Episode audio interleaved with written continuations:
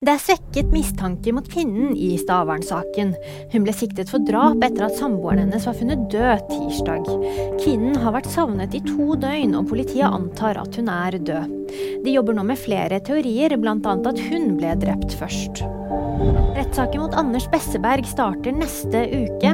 Han er tiltalt for grov korrupsjon i perioden 2009 til 2018, da han var president for Det internasjonale skiskytterforbundet. Fredag formiddag ble vitnelisten offentliggjort. Saken varer i fem uker. Kuldebølgen flytter seg sørover. Frem til i går var det kaldest i Nord-Norge.